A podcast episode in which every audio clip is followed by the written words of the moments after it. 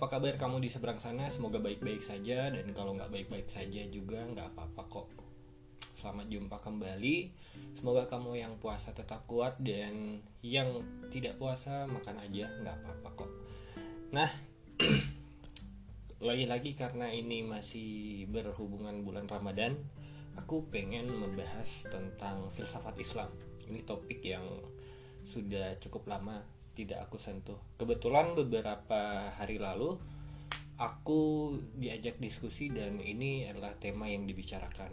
Aku kemudian mencari di Ipusnas buku tentang filsafat Islam dan ternyata banyak. Ada yang kupilih itu adalah uh, judulnya filsafat Islam dari klasik sampai kontemporer.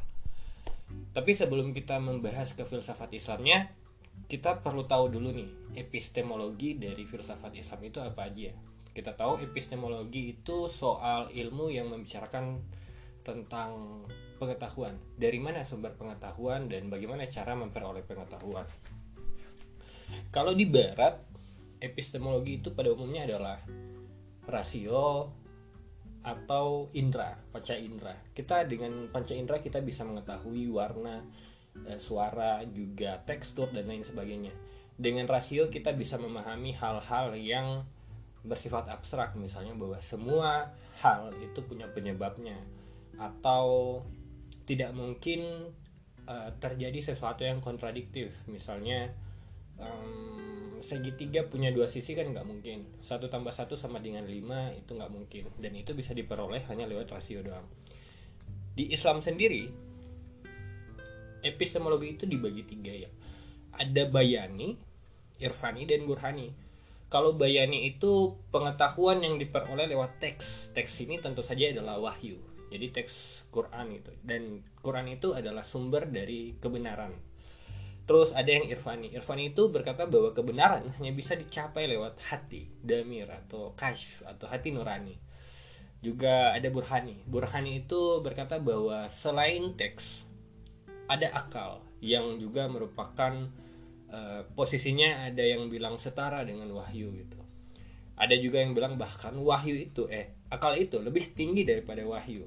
Jadi akal juga bisa menjadi sarana untuk memperoleh kebenaran. Nah filsafat sendiri merupakan sesuatu yang asing menurut masyarakat Islam terutama zaman dulu. Sebelumnya kita sudah bicarakan soal taklid ya yang teman-teman mungkin pernah dengar di Cak Nur dan kontekstualisasi doktrin Islam di podcast virtual ini bahwa zaman dulu itu ada kekhawatiran pasca wafatnya Rasul ada kekhawatiran terjadi polarisasi politik gitu.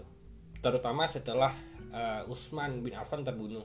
Jadi kita tahu ada terpecah-pecah ada golongan Umayyah Syiah dan uh, Khawarij yang pada gilirannya diikuti dengan kaum Sunni ketakutan itu kemudian mendorong umat zaman itu untuk uh, menghindari perpecahan dan menutup pintu-pintu istihad, pintu-pintu intelektualitas sehingga keilmuan yang berkembang zaman Islam klasik itu hanya bersandar pada empat imam mazhab mainstream itu Hambali, Syafi'i, Hanafi dan Maliki gitu. Adapun di bidang sains kita tahu ada Ibnu Hayyan yang mengembangkan kimia dan ada Al Khawarizmi yang mengembangkan matematika dan aljabar. Filsafat sendiri bisa disebut datang terlambat. Dia itu kalau nggak salah abad ke 1000 Masehi gitu ya. Dan itu dibawa oleh Al-Kindi, orang yang menerjemahkan uh, filsafat Aristoteles dan Plato.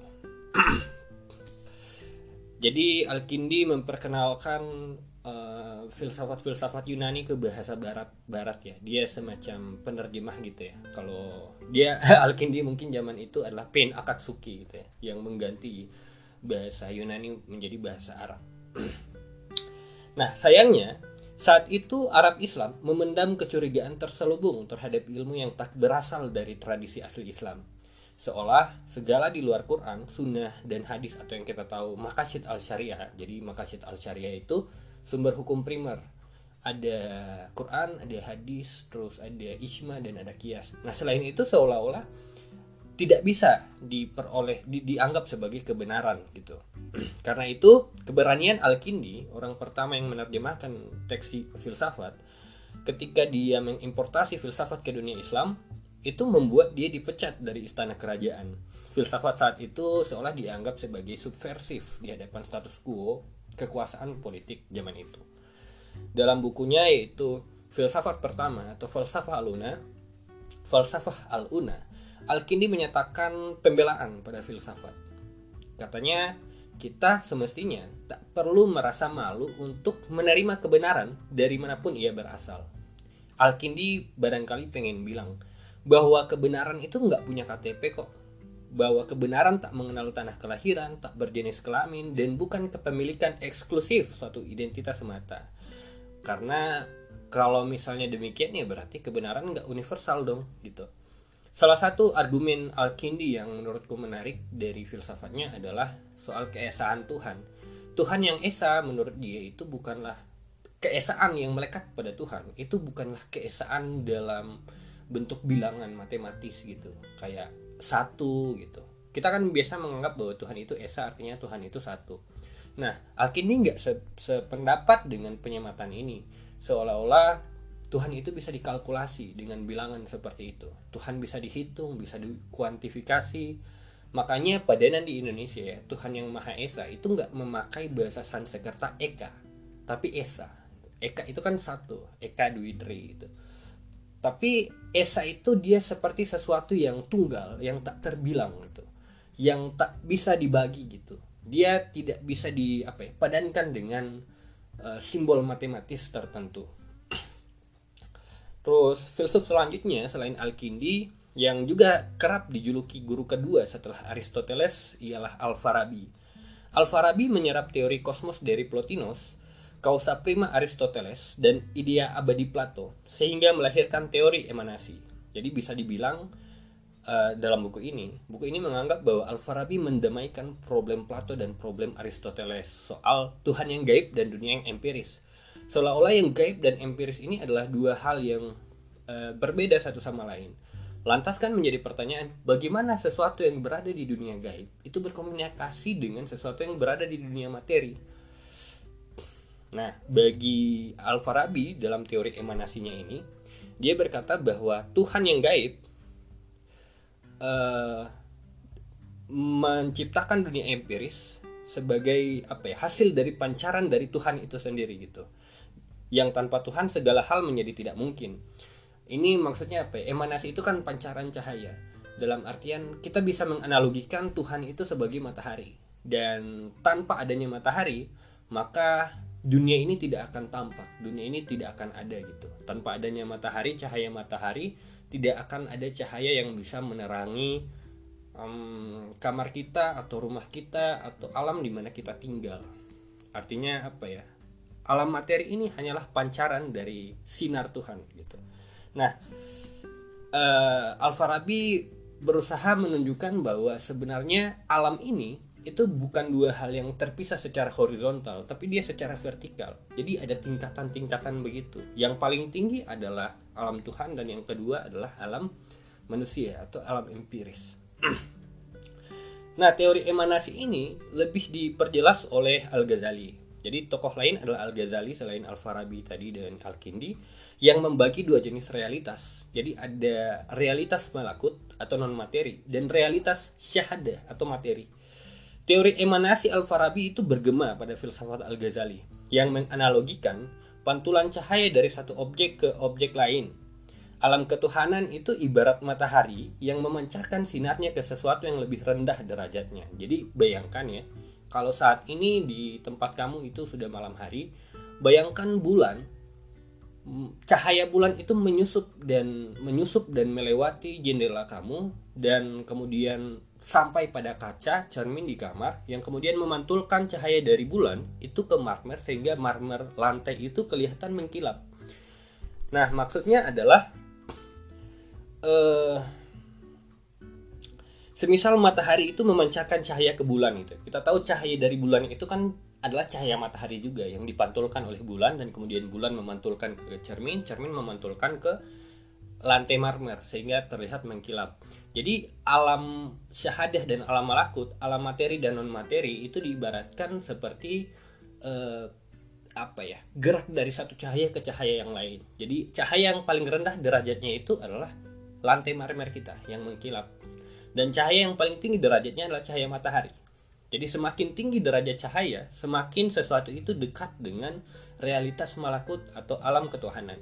Dan semakin rendah uh, sifat cahaya atau derajat cahaya, semakin alam itu menunjukkan dunia materi.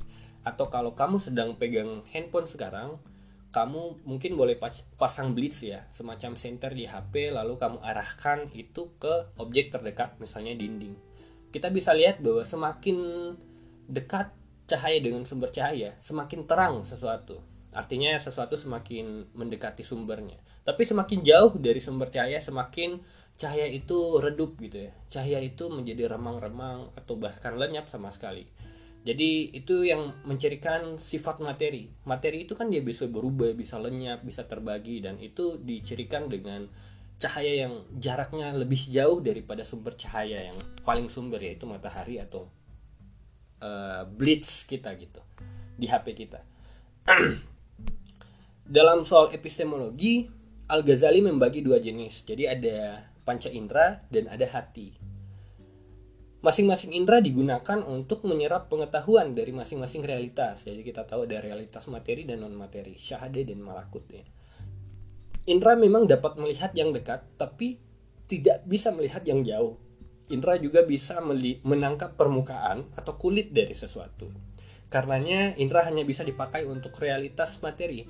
Untuk realitas malakut atau non materi, epistemologi yang digunakan menurut Al-Ghazali adalah hati. Sebab hati tak membedakan yang jauh dan yang dekat gitu. Dengan hati jauh dan dekat itu tidak jadi persoalan dan dengan hati kita bisa menangkap isi serta kedalaman dari kebenaran. Jadi untuk memahami Tuhan, kita tidak bisa memakai panca indera menurut Al-Ghazali. Kita harus menggunakan hati. Makanya uh, aku cocok logi sedikit ya. Di Indonesia itu hati nurani itu diawali dengan kata nur gitu, dengan cahaya. Dan Tuhan itu kerap dianggap sebagai apa ya? Disebut sebagai cahaya maha cahaya gitu. Yang lebih cahaya daripada cahaya. Dan juga banyak analogi cahaya ya di dalam di dalam Quran jadi seolah-olah dengan mendekati sumber cahaya ya kita harus menjadi cahaya. Dan cahaya itu atau nur itu hanya bisa digerakkan dengan hati nurani kita gitu. Ini bukan promo atau mengendorse Hanura ya. um, meskipun demikian, Al Ghazali justru lebih dikenal sebagai anti filsafat. Ini paradoksal memang karena untuk membuat kritik pada filsafat, yaitu tahafut al-falasifa, toh Al-Ghazali juga sesungguhnya lagi berfilsafat. Memang ia berkata bahwa ilmu punya potensi menjadi tercela. Al-Ghazali membuat 20 kategori filsafat, dan tiga di antaranya adalah topik filosofis yang menurut Al-Ghazali mudaratnya lebih banyak daripada manfaatnya.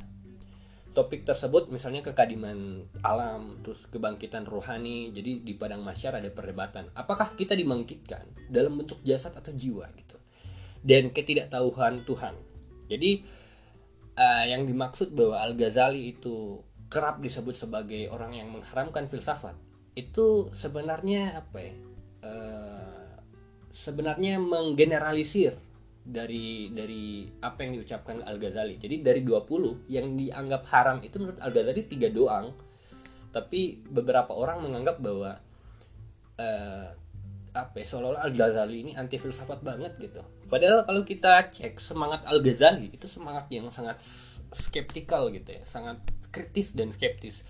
Justru bagi dia hanya orang yang pernah ragu, yang pernah dirisak oleh rasa ragu itu yang bisa yakin saya yakin yakinnya. Jadi keraguan itu atau skeptisisme itu adalah sesuatu yang tidak bisa dihilangkan dalam hubungannya dengan keyakinan. Ini juga mempengaruhi Nasim Nicholas Taleb ya. Kita tahu penulis Black Swan yang mungkin Nasim Taleb itu menggemari skeptismenya Al Ghazali karena mirip dengan semangat skeptik yang berada dalam eh, falsifikasinya siapa sih ini uh, falsifikasinya Karl Popper um, Ibn Rus lantas memberi pembelaan atas serangan Al-Ghazali pada filsafat. Ia membuat kritik atas kritik filsafat atau tahafut al tahafut falasifah gitu. Bila Al-Ghazali menjadikan hati sebagai alat utama menangkap kebenaran, maka Ibn Rushd menjadikan rasio sebagai yang utama atau nalar ya. Karena itu, pengikut Al-Ghazali cenderung menjadi mistikus dan pengikut Ibn Rushd cenderung rasionalis. Bila Ghazali menganggap alam non materi hanya bisa ditangkap hati, Ibn Rushd justru menggunakan rasio untuk memahami alam non materi gitu. Um, namun bukan berarti ya, bukan berarti menurut Ibn Rushd rasio adalah sumber kebenaran. Jadi sumber kebenarannya masih sama ya, uh, wahyu dan alam semesta. Rasio sendiri itu kayak apa ya? Kayak alat gitu untuk mencapai kebenaran yang ada di yang tertebar di wahyu dan alam semesta. Karena tanpa adanya nalar, teks wahyu, teks Quran itu tidak lebih daripada benda mati lain. Tanpa adanya nalar, alam semesta yang terpampang di hadapan kita itu tidak lebih daripada hal lain gitu. Jadi dia adalah bukti bisu atas seluruh dalam konteks filsafat, seluruh kebenaran Tuhan. Jadi nalar itu lebih sebagai alat doang bukan sebagai epistemologi menurut Ibn Rus. Nah, berbeda dengan Al-Farabi yang menggunakan uh, semangat Platonisme dan Aristotelianisme, si Ibn Rus sendiri itu membuang sisi Platonisnya dan lebih dan lebih taklid, lebih taklid, lebih taklid pada Aristoteles ya, bolehlah taklid ya. Jadi Ibn Rus ini bertaklid pada Aristoteles yang mengandalkan apa ya? Uh, yang kemudian Ibn Rus menggunakan cara berpikir Aristotelian ini untuk mengkritik teori emanasi dari Al-Farabi. Jadi Al-Farabi kan sekali lagi ya, itu mengatakan bahwa Tuhan seolah-olah adalah sumber cahaya dan Tuhan kemudian memancarkan cahayanya kepada alam semesta gitu. Dan kita yang menerima cahaya itu kemudian bisa hidup dengan baik. Jadi ada anggapan seolah-olah manusia itu pasif, hanya menerima cahaya doang gitu kayak tumbuhan. Tumbuhan itu kan dia bersifat reseptif, artinya dia bisa menerima efek, tapi dia tidak bisa e, melakukan tindakan aktif gitu kan. Tumbuhan hanya menerima cahaya matahari gitu untuk ber apa sih itu fotosintesis. Nah manusia seolah-olah seperti itu, pasif gitu. Padahal ada satu unsur di dalam diri manusia yang membuat manusia itu justru menjadi aktif, yaitu nalar jadi ada anggapan bahwa teori emanasi itu menempatkan manusia seolah-olah sebagai sesuatu yang pasif di dalam hubungan makrokosmos yang maha luas dan maha besar ini dan itu nggak disepakati oleh Ibn Rus. nah di sini Ibn Rus mengadopsi teori gerak Aristoteles gitu. Jadi ada teori Aristoteles yang juga diadopsi oleh Thomas Aquinas ya di di Barat di abad pertengahan akhir gitu. Dan teori itu disebut dengan teori penggerak yang tak tergerakkan. Jadi bayangkan bahwa kita ini sebenarnya digerakkan oleh sesuatu.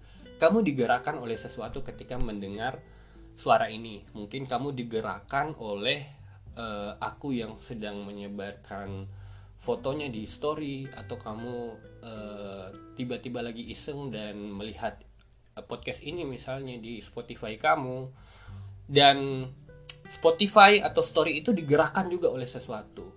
Dan sesuatu itu digerakkan juga oleh sesuatu. Sampai seterusnya sampai kita semua ini sebenarnya digerakkan oleh perputaran alam semesta planet ini. Planet ini digerakkan oleh uh, rotasi dari organisasi planet-planet yang mengitari matahari dan galaksi ini juga digerakkan oleh sesuatu yang lebih besar sampai seterusnya sampai segala hal ini digerakkan oleh sesuatu yang disebut dengan penggerak yang tak tergerakkan gitu dan penggerak yang tak tergerakkan itu adalah Tuhan.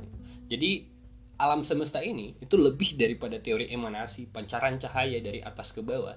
Lebih daripada itu adalah dorongan dari sesuatu yang lebih besar ke sesuatu yang lebih kecil. Artinya apa ya? Dalam teori gerak ini kan berarti segala sesuatu itu aktif. Karena gerak itu kan konotasinya aktif ya, bukan pasif. Nah, di sini uh, yang disebut aktif menurut Ibn Rus itu adalah kapasitas dari nalar kita justru dengan nalar kita itu nggak sekedar um, orang yang pasif doang di panggung ini tapi kita adalah orang yang ikut aktif dalam pergerakan dinamis alam raya Nah, setelah Ibn Rus, kita juga kenal Suhrawardi yang dengan teorinya disebut Israkiyah. Jadi Suhrawardi ini menjadi penantang aliran paripapetiknya. Jadi paripapetik itu yang uh, yang aroma Aristotelianismenya itu lebih kental ya. Dan dia menawarkan gagasan yang disebut iluminasi. Nah, Surawardi ini juga berbeda dengan filsuf sebelumnya kayak Al-Farabi dan um, dan lain sebagainya dan Ibnu Sina bahwa kalau filsuf lain, filsuf Islam lain berkata bahwa yang lebih penting dari esensi adalah eksistensi gitu, wujud kita daripada esensinya. Yang lebih penting adalah keadaan kita, bahwa kita ada dibandingkan keapaan kita gitu. Um, uh, ya seperti itu. Surawardi sendiri menganggap esensi itu lebih penting ya. Dan pemikiran Surawardi ini amat dipengaruhi oleh Al-Halaj, Al-Ghazali, Ibn Sina, Plato, Pitagoras, Hermesisme, Zoroaster, dan Iran kuno gitu. Iluminasionisme sendiri itu diambil dari bahasa Latin yang artinya terang atau cahaya gitu. Jadi eh, makanya sering disebut Surawardi ini teorinya adalah teori cahaya gitu. Isyraki. Jadi iluminasi ini soal gagasan gradasi esensi dan kesadaran diri jadi nggak sama kayak Al-Farabi misalnya. Yang bergradasi itu bukan wujud ah, bukan eksistensi gitu. Jadi bukan eksistensi dari sesuatu yang di atas dia bergradasi ke eksistensi sesuatu yang lebih di bawah gitu. Yang bergradasi itu adalah esensinya atau sifat cahayanya gitu. Bahwa e, cahaya yang memancar dari matahari ke bulan dan bulan ke kaca dan kaca itu ke ke apa ya ke marmer, lantai marmer, cahayanya itu sama, tapi sifat dari cahaya itu yang berbeda-beda gitu. Jadi sifat cahaya yang di esensi dari cahaya itu yang berbeda-beda gitu. uh, dan pada akhirnya kata Surawardi, ketiadaan itu justru adalah ketika kita itu tidak menerima cahaya dari sumber yang lebih tinggi gitu. Sumber yang lebih tinggi misalnya kalau matahari itu nggak bisa menjangkau uh, ujung planet misalnya Pluto nah itu baru disebut ketiadaan. Ketiadaan secara analogis ya begitu secara metaforis. Jadi ketiadaan adalah ke atau kegelapan adalah ketiadaan cahaya. Jadi sekali lagi kalau misalnya kita mau pakai blitz di HP kita dan kita pancarkan ke objek yang berjarak jauh cahaya itu kan akan redup ya. Jadi bayangin kita pakai blitz dan kita arahkan ke langit, cahaya itu akan redup. Artinya, semakin kita jauh dari Tuhan, semakin kita itu menjadi binasa atau menjadi ketiadaan itu sendiri. Nah, secara epistemologis, pengetahuan itu nggak berasal dari luar, melainkan dari dalam diri. Bagi Surawardi, tanpa kesadaran, objek itu tak bisa dipahami. Maka kesadaran merupakan hal pertama dan utama. Dan karena tiap orang punya kesadaran diri masing-masing, maka setiap orang punya potensi yang sama mendekati kebenaran. Karena itu Surawardi berkata bahwa orang lain hanya aku dalam versi yang lain.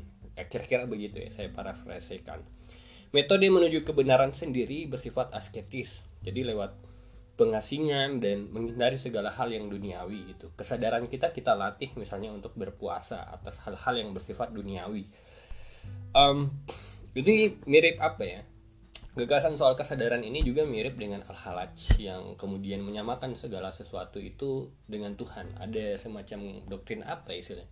Wahdatul wujud kalau tidak salah. Kesatuan wujud bahwa segala sesuatu ini sebenarnya berasal dari satu jiwa yang sama, yaitu jiwa Tuhan. Makanya Al-Halaj kan berkata, "Aku adalah Tuhan." gitu. La ilaha illa ana, tidak Tuhan selain aku. Dan ini gagasan yang sangat subjektif ya dari Syuhrawardi uh, tanpa ada semangat untuk berkata bahwa Islam itu lebih jago karena mendahului gagasan subjektivisme. Ini bisa juga kita dapatkan di misalnya fisika modern ya, fisika kuantum. Jadi ada penelitian soal apa itu istilahnya, quantum entanglement gitu. Saya nonton di YouTube-nya Martin Suryajaya. Juga ada soal kucing Schrodinger. Jadi kita bayangin ada kucing yang kita taruh di dalam suatu kotak dan di kotak itu ada racun arsenik. Yang kemungkinan racun, racun arsenik itu pecah adalah 50-50 jadi ada probabilitas di mana 50% racun arsenik itu pecah tanpa kita ketahui karena kotak itu sudah kita tutup ya. Kotak yang ditaruh kucing sudah kita tutup tutup. Jadi ada 50% kemungkinan bahwa kucing itu mati karena racun arsenik itu pecah dan ada 50% kemungkinan bahwa kucing itu nggak mati karena racun arsenik itu nggak pecah. Tapi kita nggak tahu kucing itu mati atau enggak karena kita masih menutup kotak itu. Nah jadi uh, jawabannya adalah apakah kucing itu mati atau tidak? Uh, jawabannya adalah uh, kucing itu mati sekaligus tidak mati gitu. Dan cara untuk menentukan apakah kucing itu mati atau tidak ya dengan dibuka kotaknya ada anggapan bahwa dalam fisika kuantum modern itu ada anggapan bahwa um, hasil dari penelitian hasil dari eksperimen itu bisa ditentukan oleh pengamatan pribadi seseorang. Jadi pengaruh subjektivitas itu sangat menentukan kebenaran dari suatu eksperimen saintifik. Nah ini apa ya semangat subjektivisme ini juga bisa kita lihat misalnya di Surawardi ini. Jadi seolah-olah kebenaran itu nggak ada di luar, itu ada di kesadaran manusia gitu. Sedangkan aliran lain berkata ya objektivisme berkata bahwa kita mau ada atau nggak ada, iya benda di luar kita tetap ada gitu. Jadi tanpa adanya Newton pun gravitasi tetap ada gitu. Bahwa benda pasti akan tetap jatuh ke bumi dan apel tetap akan jatuh dari pohon. Siapa pun yang sedang duduk di bawah pohon itu entah pohon entah itu adalah Buddha atau itu adalah Newton. Nah kok gua kok saya melantur ini? Lanjut ya Nah, gagasan yang kental dengan nuansa sufistik Surawardi lantas mempengaruhi tasawuf Ibnu Arabi. Ibnu Arabi cukup unik karena ia memakai logika paradoksal yang bahkan belum banyak dibicarakan di barat terutama yang memegang teguh logika klasik Aristotelian. Ia berkata bahwa alam sama dengan Tuhan, sekaligus tidak sama dengan Tuhan. Bahwa Tuhan yang tersembunyi juga adalah Tuhan yang menampakkan diri. Bahwa Tuhan yang esa juga adalah Tuhan yang banyak. Kidam sekaligus hadid, maksudnya lama sekaligus baru itu. Tasbih sekaligus tanzi. Ibnu Arabi mengajak kita untuk memahami kesatuan antara pertentangan-pertentangan yang sepertinya sekali lagi tanpa berkata bahwa Islam itu jago karena sudah membicarakan ini sebelum filsafat barat. Jadi ini kayak mendahului gagasan dialektika ontologi Hegel gitu. Dan uh, apa ya? Ini juga merupakan ada gema aku melihatnya kayak ada gema dari Heraklitos. Jadi pe, apa ya? gagasan yang tampak saling seolah-olah saling bertubrukan ini itu juga kan pernah dibicarakan Heraklitos. Dia berkata bahwa perang adalah damai dan gelap adalah terang dan uh, pulang adalah keluar dan lain sebagainya gitu. Namun Ibnu Arabi bukanlah panteisme yang menganggap bahwa Tuhan dan alam adalah hal yang sama. Ibnu Arabi sebenarnya mau bilang kalau hanya lewat alam lah Tuhan bisa berpenampakan atau menampakkan diri atau tajali atau dalam bahasa Levinas itu epifani bahwa alam adalah cermin bagi Tuhan maka untuk memahami Tuhan kita juga perlu memahami alam sekaligus memahami paradoksikalitas di antara alam itu tasawuf Ibnu Arabi adalah perluasan dari gagasan Al-Halaj yang bilang bahwa ada manusia pada Tuhan dan ada Tuhan pada manusia Nah, pada Ibnu Arabi, gagasan ini diperluas bahwa Tuhan bukan hanya ada dalam manusia, tapi Tuhan juga ada dalam alam. Tuhan itu bahkan adalah identik dengan alam gitu. Nah, itu sebenarnya maksudnya, bukan berarti bahwa Ibnu Arabi itu menyamakan alam dengan Tuhan. Yang kita sembah bukan alamnya, tapi Tuhan yang menampakkan diri pada alam itu. Buat Tuhan yang yang kita sembah ya adalah Tuhan. Itu bagaimana menjelaskannya ya ya pokoknya begitulah ya nah ini juga adalah apa ya, ketidak cermatan untuk memahami semangat paradoksikalitas ini juga membuat banyak sufi seperti Al-Halaj itu kemudian yang berkata ya tidak Tuhan selain aku itu memancing kegeraman dan akhirnya Al-Halaj e, berhenti di tiang pancung oleh Salahuddin Al-Ayubi itu. Indonesia sendiri mengenal Nusantara mengenal semangat berpikir ini, semangat tasawuf ini dalam diri Syekh Siti Jenar. Suatu hari Syekh Siti Jenar itu didatangi seseorang. Lalu seseorang itu tamu itu mengetuk tok tok tok Assalamualaikum Siti Jenar ada nggak? Dibalas sama Siti Jenar Waalaikumsalam. Siti Jenar nggak ada. Yang ada hanya Tuhan gitu. Jadi ada gagasan wahdatul wujud ya bahwa Tuhan dan kita itu sama satu gitu sebenarnya. Kita manifestasi Tuhan gitu. Walaupun terkadang aku membayangkan Siti Jenar itu misalnya meninggal dan mengetok pintu akhirat gitu. tok tok tok assalamualaikum. Tuhan ada Tuhan pun menjawab Waalaikumsalam. Tuhan nggak ada yang ada hanya Siti Jenar gitu. Aku pun pernah melihat buku Ibnu Arabi sesat gitu ya. Ada di uh, di musola di kampusku. Dan ini juga menunjukkan ya bahwa ada beberapa sisa-sisa dari alergi filsafat dari dunia masa klasik dunia Islam klasik yang masih masih ada residunya sampai hari-hari ini.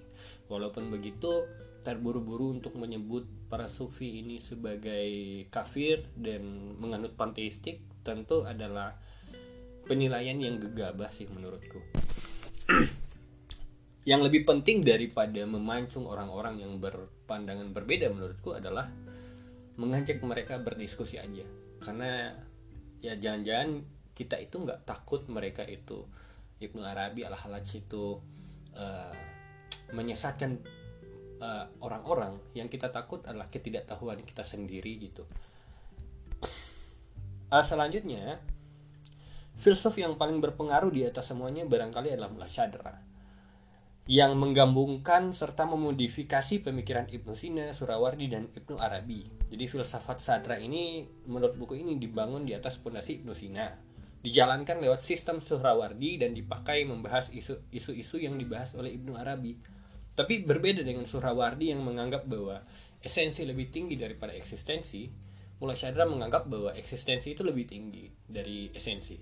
Gagasan menarik darinya adalah gradasi wujud dan Eh, gerak substansial itu jadi gradasi wujud ini gagasan soal um, manusia ini dia mengalami evolusi secara semacam ini ya semirip agak mirip dengan evolusi kita ini awalnya sesuatu yang tidak tidak bermakna kemudian menjadi bermakna dan kemudian menjadi manusia gitu. Jadi berbeda juga dengan hierarki wujud filsuf sebelumnya yang menganggap bahwa manusia adalah hasil dari pancaran dari sesuatu yang lebih tinggi top down gitu ya. Jadi dari matahari kemudian ke uh, bulan ke kaca ke lantai marmer atau dari dunia malakut ke dunia syahada wujud atau eksistensi yang bergradasi menurut Mulasyada itu terjadi dari bawah jadi dari bahasa bahasa dia itu yang meminjam uh, teorinya Aristoteles ya Aristoteles pernah membuat teori tentang jiwa. Jadi ada jiwa yang mineral, jiwa tumbuhan, jiwa hewani, dan jiwa manusia. Jadi manusia ini geraknya itu dari bawah ke atas menurut Munasyadra, uh, bottom up gitu. Jadi awalnya kita adalah benda mati. Kita sebelum hidup ini kita adalah mungkin atom yang kemudian menjadi secuil sperma yang kemudian menjadi daging di rahim ibu kita. Itu kan kita yang mirip benda mati kita itu nggak bisa bernafas dan tidak punya akal saat itu. Lalu kita lahir menjadi balita. Ini saat di mana kita itu memiliki jiwa bali, jiwa tumbuhan. Jadi yang dimaksud tumbuhan itu kan tumbuhan itu ada, tapi dia bersifat reseptif doang. Reseptif itu bisa menerima efek dari luar, tapi nggak bisa uh, bertindak secara aktif gitu. Balita juga begitu. Balita nggak bisa hidup tanpa bantuan sesuatu di luar dirinya makanya perlu ada orang tua dan perlu ada uh, keluarga gitu supaya balita itu bisa dijamin kehidupan dia sampai dia dewasa ketika kita remaja kita itu mirip dengan fase hewani ya fase hewani itu adalah di mana hawa nafsu kita itu selalu menginterupsi kita dan kita tidak punya kuasa di hadapannya. Kita tahu bahwa fase remaja kalau misalnya laki-laki itu adalah fase di mana testosteronnya itu lagi tinggi tingginya makanya ada istilah orang itu rebel ya. Eh, pengen berontak ada yang tawuran gitu. Ada yang kelahi ada yang berantem ada yang saling memaki gitu. ada yang melanggar peraturan gitu. Jadi ada semacam apa ya kita agak mirip dengan hewan pada pada level itu. Karena kita biasanya lebih mudah dipengaruhi oleh hawa nafsu. Nah manusia itu adalah jiwa yang tertinggi menurut Mullah Syadra. Dia adalah hasil evolusi dari mineral tumbuhan ke hewani sampai ke manusia ini. Jadi prosesnya itu dari bawah ke atas bottom up gitu. Yang menurut buku ini itu katanya mirip dengan Darwin. Cuma bedanya Darwin itu menganggap bahwa proses evolusi ini terjadi secara um, acak gitu secara brutal gitu secara acak dan tak terduga seleksi alam ini. Tapi kalau dalam filsafat Islam karena filsafat Islam itu sangat bersandar pada kepastian wahyu ini terjadi secara uh, teratur. Dari proses bottom up ini terjadi secara teratur dan memang direncanakan. Yang juga mengingatkan kita tentang perdebat perdebatan prinsip antropik ya jadi tahun 80-an para fisikawan itu berdiskusi tentang uh, tentang kenapa manusia ada di alam semesta.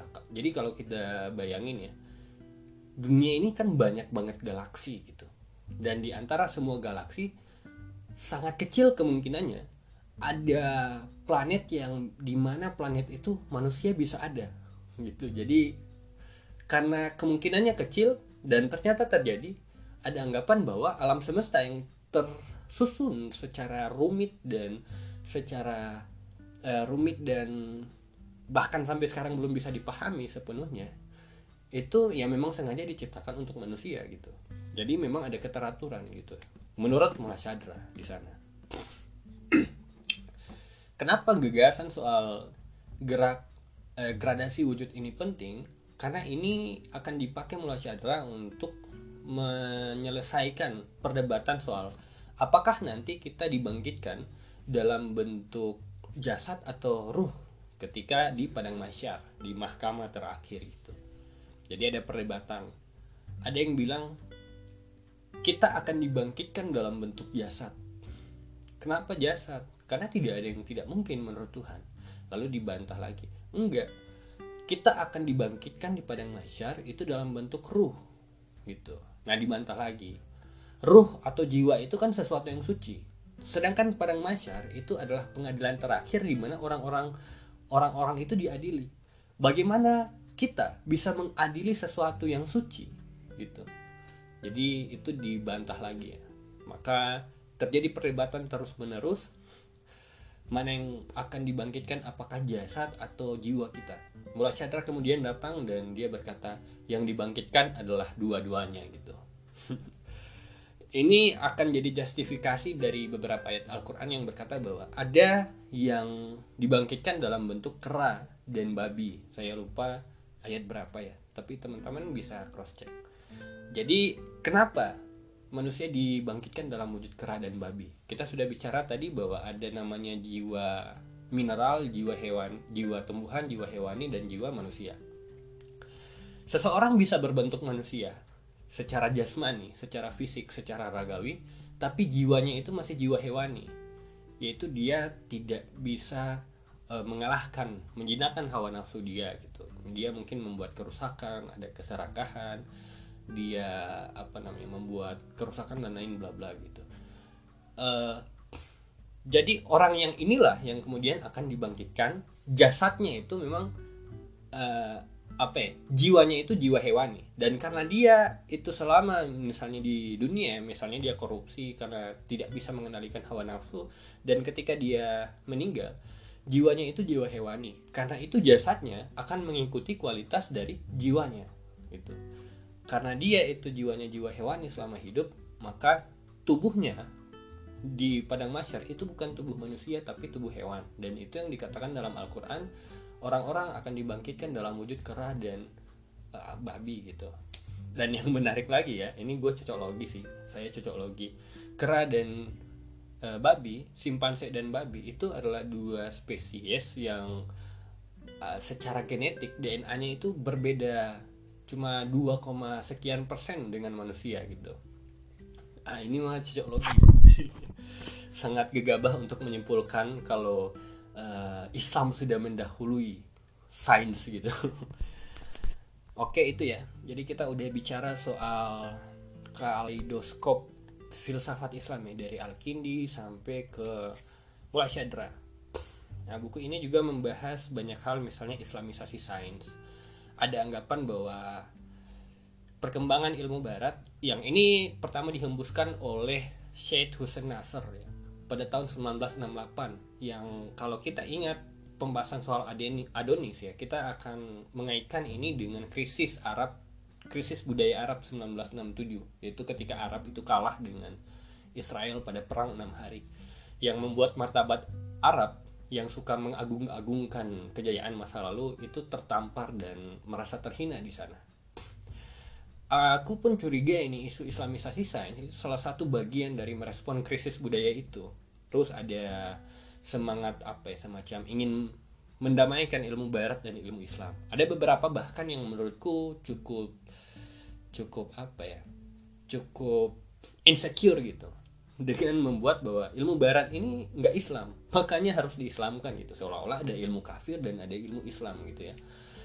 Uh, karena ada beberapa ilmu yang konon tidak sesuai dengan nilai Islam maka harus diislamkan. Jadi muncul wacana Islamisasi sains yang mengantarkan pada konferensi uh, apa itu ya konferensi pertama tahun 77 yang kemudian melahirkan Institut Islam pemikiran Islam di Amerika gitu Meskipun demikian banyak yang nggak sepakat. Jadi ada yang bilang Islamisasi sains ini itu hanya pembacakan doang. Jadi yang mikir capek-capek itu orang barat, kebanyakan orang barat yang aku tahu. Kemudian kalau misalnya sudah ada hasil dari uh, apa ya, penemuan sains itu, kemudian orang Islam tinggal nyari mana nih ayat yang berhubungan dengan penemuan sains ini. Jadi dibajak gitu. Terus Fadlur Rahman juga berkata ya nggak perlu uh, karena semua ilmu itu sudah Islam. Karena sains ini kan dia adalah tentang uh, memahami bagaimana mekanisme alam itu bekerja atau bahasanya itu sunnah sunnah bekerja gitu. Terus teknologi itu dipakai untuk memanipulasi sunnah atau takdir supaya bisa dimanfaatkan demi kemaslahatan manusia. Nah itu sesu udah sesuai dengan nilai Islam. Ada juga menurutku ya uh, gerakan atau semangat untuk mengislamisasi sains itu kayaknya lahir dari keminderan doang deh. Jadi uh, kalau menurutku ya uh, peradaban Islam itu kayaknya sangat membanggakan kemenangan dan meromantisasi masa lalu sampai-sampai kayak ada denial gitu melihat ada peradaban lain yang lebih maju secara ilmu pengetahuan dan teknologi gitu. Jadi karena agak minder dan cemburu mungkin ada ada semangat ini ya Islamisasi ini. Ada juga yang menarik dari buku ini adalah soal Hasan Hanafi. Dia dipengaruhi kita tahu oleh Husserl, Ali Syariati dan Hegel ya. Dia itu karena banyak pengaruh materialisme. Dia kemudian mencanangkan uh, ketika dia masih rektor di Universitas Kairo uh, eh, di Al Azhar ya, eh Al Azhar apa Kairo ya saya lupa tapi dia itu mencanangkan upaya rekonstruksi teologi menjadi antropologi. Nah, karena dia pembaca Marx juga kita langsung bisa menghidu ya ada aroma verbah di sini. Kita tahu dulu verbah berkata bahwa teologi itu nggak lebih daripada antropologi. Makanya kalau kita melihat Tuhan di dalam teks suci itu, itu kita kayak melihat manusia gitu. Ada ayat yang bilang ke timur dan barat kamu akan melihat wajah Tuhan itu kan sifat manusia terus um, bahwa Tuhan itu maha penyayang sifat manusia. Dan kul huwallahu ahad dia laki-laki gitu sifat manusia gitu. Tapi yang dimaksud antropologi yang dikehendaki oleh Hasan Hanafi itu bukan antropologi yang sifatnya gloomy dan ateistik seperti verba tapi sifat yang lebih konstruktif gitu. Hasan Hanafi melihat bahwa selama ini terutama di tradisi klasik tradisi apa ya paradigma tradisional. Seolah-olah eh, dunia ini kalau ada panggungnya panggung itu seolah-olah hanya diisi oleh Tuhan. Padahal kan yang menjalani kehidupan di dunia ini kan manusia. Jadi dia pengen menggeser tuh. Pemeran utama dari drama alam semesta ini bukan lagi Tuhan tapi adalah manusia. Terus bagaimana dok dengan eksistensi Tuhan? Hasan Hanafi bilang kita jangan khawatir. Karena Tuhan itu ada mau kita nggak percaya atau percaya Tuhan tetap ada kok gitu. Yang paling penting justru adalah bukan membuktikan Tuhan ada atau membela tentang kebaikan Tuhan karena itu bukan untuk kepentingan Tuhan selain kan ya menurutku ya kepentingan manusia sih itu. Dan dengan itu Hasan Hanafi kemudian meresepsi ya gagasan-gagasan ketuhanan ya. Ada beberapa sifat-sifat tauhid yang biasa kita temukan dalam pembahasan tauhid dia kemudian konversi ya dia rekonstruksi menjadi sesuatu yang bersifat antropologis. Misalnya soal sifat Tuhan yang baka itu yang kekal. Itu artinya tidak menjelaskan bahwa Tuhan itu kekal. Tapi bahwa kita sebagai manusia manifestasi dari Tuhan itu harus memelihara dunia supaya dia tidak fana tidak rusak gitu. Kan lawan dari baka atau kekal ini kan kefanaan maka misi manusia adalah menjaga dunia agar tidak fana, tidak rusak, entah itu dunia natural atau dunia sosial. Terus soal wahdania, soal Tuhan yang satu ya, yang esa gitu ya. Yang dimaksud kesatuan di sini bukan bahwa Tuhan itu satu atau Tuhan itu tunggal atau Tuhan itu esa, melainkan kesatuan tujuan manusia dalam melakukan misi-misi kemanusiaan. Jadi manusia itu harus punya misi yang sama, yang satu, yang tunggal, yaitu demi kemaslahatan manusia itu sendiri. Dengan begitu, harapan Hasan Hanafi adalah sesuatu yang disebut agama, yang selama ini kita anggap hanya urusan langit, itu bisa kita seret sampai ke bumi gitu. Bahwa uh, yang lebih penting daripada apa ya? Doktrin tentang sesuatu yang transenden itu kan kehidupan hari ini, kehidupan materi. Maka agama itu maksudnya adalah sesuatu yang harusnya materialistik gitu, yang tidak bisa meninggalkan dimensi kesejarahan gitu, dimensi historisitas gitu. Nah, itu mungkin uh, spirit Hasan Hanafi ya yang aku yang menurutku gitu. Nah, oke, okay, itu aja sih. uh, capek juga ya membaca um, literatur filsafat Islam karena kita akan capek menghafal nama-namanya. Untung saya dulu itu pernah mengikuti ya perkembangan dari filsafat Islam jadi kayaknya kalau sudah terbiasa membaca ya lebih gampang hafal aja. Oke, terima kasih karena sudah menyimak dan semoga kamu baik-baik saja. Kalau nggak baik-baik ya nggak apa-apa kok. Dan tetap kuat puasanya. Kalau tidak puasa makan aja is okay. Terima kasih dan bye-bye.